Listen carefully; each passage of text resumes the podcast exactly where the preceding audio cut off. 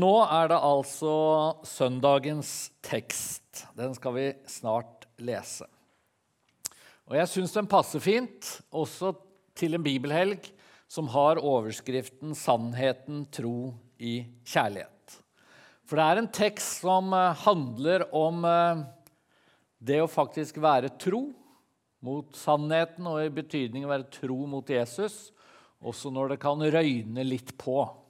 Sånn sett så syns jeg teksten virkelig passer godt. Og Vi skal lese nå. Det er helt mot slutten av Johannes 6. Vi skal lese fra vers 63 til 69.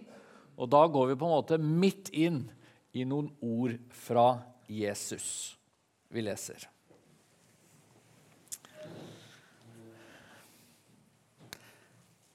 Det er Ånden som gjør levende. Kjøtt og blod duger ikke. De ordene jeg har talt til dere, er ånd og liv. Men det er noen av dere som ikke tror. For Jesus visste fra første stund hvem som ikke trodde, og hvem som skulle forråde ham. Og han la til, derfor sa jeg til dere, ingen kan komme til meg uten at det blir gitt ham av min far. Etter dette trakk mange av disiplene seg unna og gikk ikke lenger omkring sammen med ham. Da spurte Jesus de tolv, vil også dere gå bort? Simon Peter svarte, Herre, hvem skal vi gå til? Du har det evige livs ord, og vi tror og vet at du er Guds hellige. Amen. Vi er altså i slutten av Johannes kapittel 6, og det er et veldig variert kapittel. Det starter med at Jesus metter 5000. En situasjon hvor Jesus helt tydelig er i kontakt med liksom den enorme folkemengden og overbeviser helt sikkert veldig mange om hvor spesiell han er, hvor unik han er, som altså klarer da og sørge for at noen fisker og litt brød blir nok mat til minst 5000. Og som ikke det er nok, så rett etter det så går Jesus på vannet. Denne kjente fortellingen vi møter flere ganger i evangeliene. Og Det også må jo ha vært en hendelse som virkelig får mennesker til å tenke at Jesus han er det noe helt spesielt med. Men så endrer kapitlet seg. Johannes 6. For Jesus begynner å tale, og han begynner å tale ganske utfordrende. Og han taler særlig om at han er livets brød. Og det er helt tydelig at Jesus snakker også om seg selv som livets brød på en sånn måte at han antageligvis i hvert fall foregriper nattverden. Og han snakker om at den som spiser han, skal få evig liv. I den forstand er han livets brød. Og Det er helt tydelig at disse ordene de oppleves ganske provoserende. Og Rett før den teksten vi leste sammen nå, så står dette mange, eh, mange av disiplene som hørte dette, sa dette er harde ord. Hvem kan høre på slikt? For Jesus presenterer seg som selve sannheten, ikke bare én av mange sannheter. Han er selve sannheten. Han er den du må spise for å få evig liv. Og når vi går inn i dagens tekst, så står det jo at mange av disiplene trakk seg unna og gikk ikke lenger omkring sammen med han etter dette. Og jeg synes Noe av det mest tankevekkende med akkurat den formuleringen er at Jesus altså, eller det står da, at det var mange av disiplene som trakk seg unna.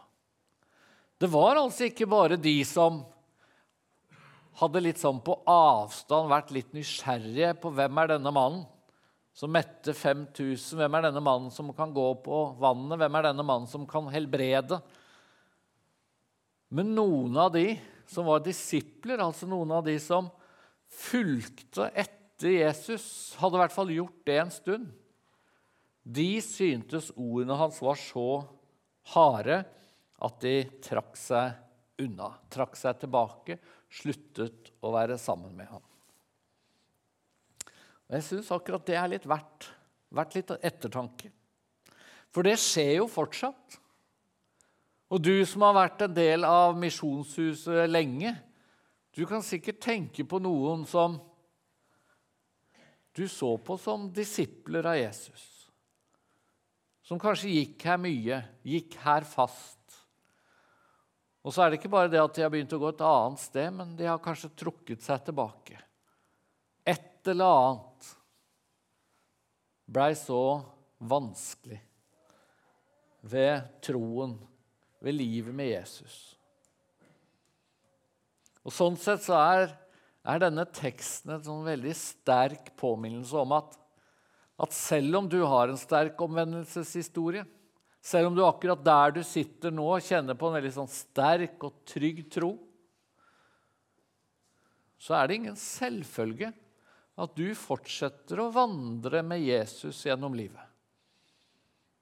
Det går an når som helst for oss mennesker å trekke oss tilbake.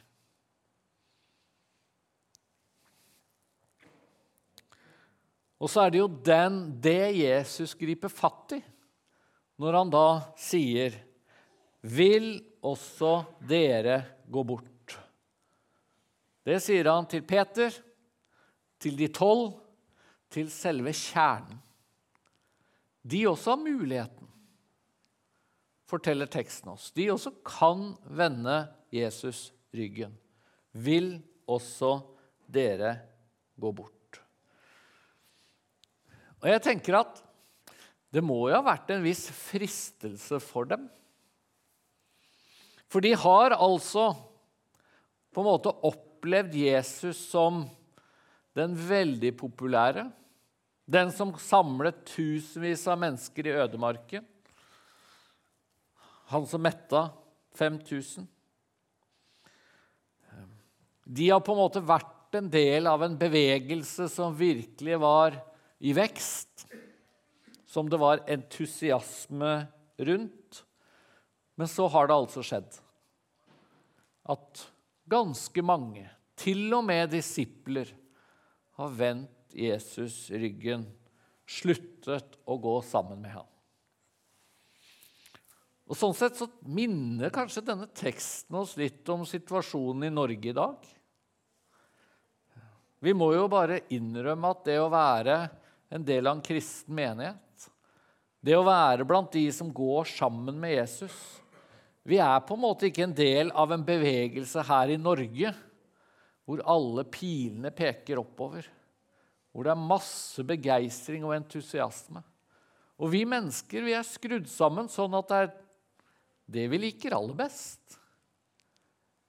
Vi liker å se at vi er en del av på en måte vinnerlaget.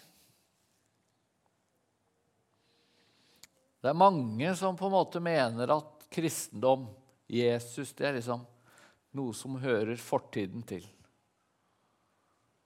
Og da kommer kanskje dette spørsmålet til deg også denne formiddagen. Vil du også? gå bort. Og hva har du da å svare? Vil du si det samme som Peter? Er det han sier, den overbevisningen du også har? Og det viktigste i teksten, liksom kjernen i denne teksten, er jo det Peter svarer når han får spørsmålet. Men før det så har jeg bare lyst til å kommentere én ting som kan virke underlig med teksten, og underlig med spørsmålet fra Jesus. For han sier altså 'Vil også dere gå bort?' Men så har han jo sagt, bare et par vers tidligere, 'Ingen kan komme til meg uten at det er gitt ham av Faderen'. Så i denne teksten så sier Jesus både ingen kan komme til han uten at Gud gjør noe. Men han sier også 'vil dere gå bort'? Og Jeg tror faktisk at i akkurat denne teksten, på en litt sånn elegant måte, så møter vi et viktig paradoks i kristen tro. Og paradokset tror jeg kan formuleres sånn å komme til Gud, bli en kristen og bli omvendt, det er det ingen av oss som på en måte klarer av oss selv. Som Jesus da sier Gud må gripe inn. Det må være gitt oss av Faderen. For vi mennesker vi har på en måte en motstand mot Gud. Vi er ikke skapt med den motstanden, men vi er født med den. Fordi vi er en del av menneskeslekt. Vi har på en måte menneskeslektens synd og skyld, for å sitere fra den gamle liturgien i Norske kirke. Så skal du bli et kristent menneske, skal du bli omvendt, så må du på en måte bli gitt deg av Gud. Gud må gripe inn, og Gud griper inn. Når du møter forkynnelse, når du møter Bibelens ord, når Ånden får tak i deg. Det er sånn du blir en kristen. Men det å gå bort fra Jesus, det klarer du helt fint på egen hånd. Og det er på en måte paradokset. Du kan ikke komme til Gud av deg selv. Du trenger at Gud griper inn i ditt liv. Men du kan gå bort fra Jesus på egen hånd. Og Derfor er dette spørsmålet relevant. Vil også du gå bort? Vil også dere gå bort? Og så er altså svaret fra Peter. Hvem skal vi gå til?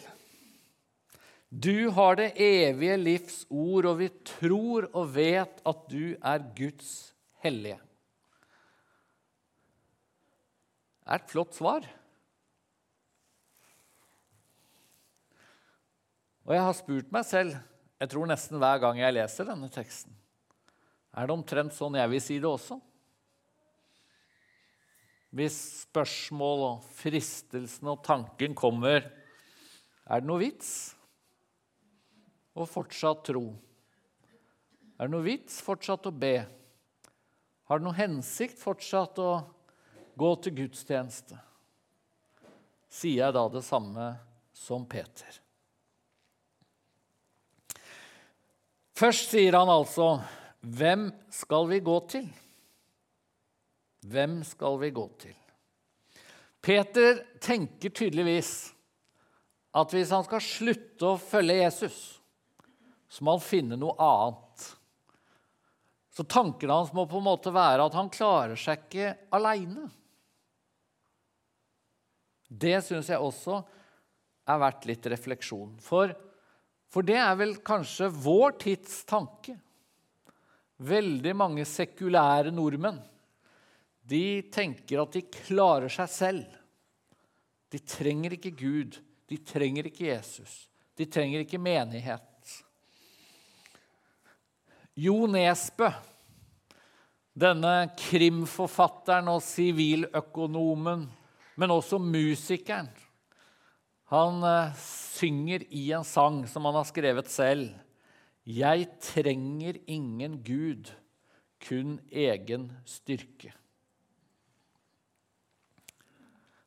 Jeg skal ikke påstå at det er Jo Nesbø som mener det. Det er på en måte en karakter i sangen. Men kanskje er det han også som mener det. Og Det er en ganske typisk måte å si det på, tror jeg, i vår tid. Jeg trenger ingen Gud, kun egen styrke. Og Jeg har møtt mennesker som signaliserer noe sånt som at, at jeg skjønner at en alkoholiker eller et menneske i stor krise kan tenke at jeg trenger Gud. Men jeg trenger ikke Gud. Jeg har ganske mye styrke. Jeg fikser dette livet på egen hånd. Og det gjelder jo også Jo Nesbø, for å ta han. Rik og vellykket og ressurssterk på så mange måter. Og jeg tror det er mange nordmenn som tenker omtrent sånn. Jeg trenger ingen Gud, kun egen styrke. Og så er det der tydeligvis at Peter er uenig, da. For Peter sier ja, men hvem skal jeg gå til? Han trenger et alternativ. Og det er jo på en måte gjennomgangstonen i Bibelen også. Det er faktisk ikke sant at et eneste menneske, heller ikke det mest ressurssterke mennesket, klarer seg helt aleine. Kanskje kan du fikse hverdagen bra. Kanskje trenger du ikke Gud for å vinne over alkoholen eller depresjonen eller hva vet jeg. Men du trenger Gud for å vinne over døden. Og uansett hvor dyktig du er, hvor flink du er, hvor ressurssterk du er, så er du også et menneske med svakheter, med feiltrinn, med nederlag, med synder. Og det var det på en måte Peter hadde skjønt. Ja, men jeg klarer meg ikke aleine. I Efeserbrevet, teksten hvor vi også møter denne formuleringen 'sannheten, tro i kjærlighet', så skriver Paulus om mennesker som ikke er kristne, og så sier han de er uten håp og uten Gud i verden. Og det er på en måte hele utgangspunktet for det kristne budskapet. Hvis du ikke har Jesus, hvis du ikke har troen, da er du uten håp. Du er uten Gud i verden. Vi befinner oss som mennesker i en tragisk situasjon før vi finner en å gå sammen med gjennom livet. En som kan mette 5000, en som kan gå på vannet, men enda viktigere en som vant over døden for deg og meg. Og så sier jo Peter da to ting helt konkret om Jesus. Han kaller Jesus for det evige livs ord. Evige livs ord. Det må bety at Peter han tenker at, at Jesus han er ikke bare en mann med vise ord og kloke ord. Og Peter er kanskje da ikke først og fremst opptatt av at Jesus er mektig og kan helbrede og, og kan alt det vi har lest om tidligere i kapitlet. Mette 5000, gå på vannet. Nei, det er disse ordene som andre mennesker opplevde for provoserende, for kontroversielle. Det at Jesus sier om seg selv at han er livets brød som man må spise for å bli frelst. De ordene kaller Peter for det evige livs ord. Ord som også da gir evig liv. Evig håp. Og han sier, 'Du er Guds hellige'. Og slik får Peter sagt at, at Jesus var ikke bare en interessant mann, en god mann, en mektig mann. Han var selve frelseren. Guds hellige, han som var utvalgt på en helt spesiell måte. Og så var det derfor Peter altså ikke gjorde som en del andre og gikk bort. Selv om Jesus kunne komme med utfordrende ord, provoserende ord, og selv om ikke Jesus bare garanterte gode dager, og Selv om ikke Jesus akkurat der og da i hvert fall ledet på en måte en sånn suksessfylt massebevegelse, så tenkte Peter ja, men han er sannheten, denne Jesus. Han er fortsatt den som kan gi meg evig håp, nåde, frelse og tilgivelse. Og Derfor kunne ikke Peter si som Jo Nesbø synger, 'Jeg trenger ingen Gud, Peter hadde på en måte grepet sannheten om at alle mennesker Uten Gud er vi uten håp. Med Jesus så er vi på vei til et evig liv, og vi kan starte hver dag med ny nåde. Amen.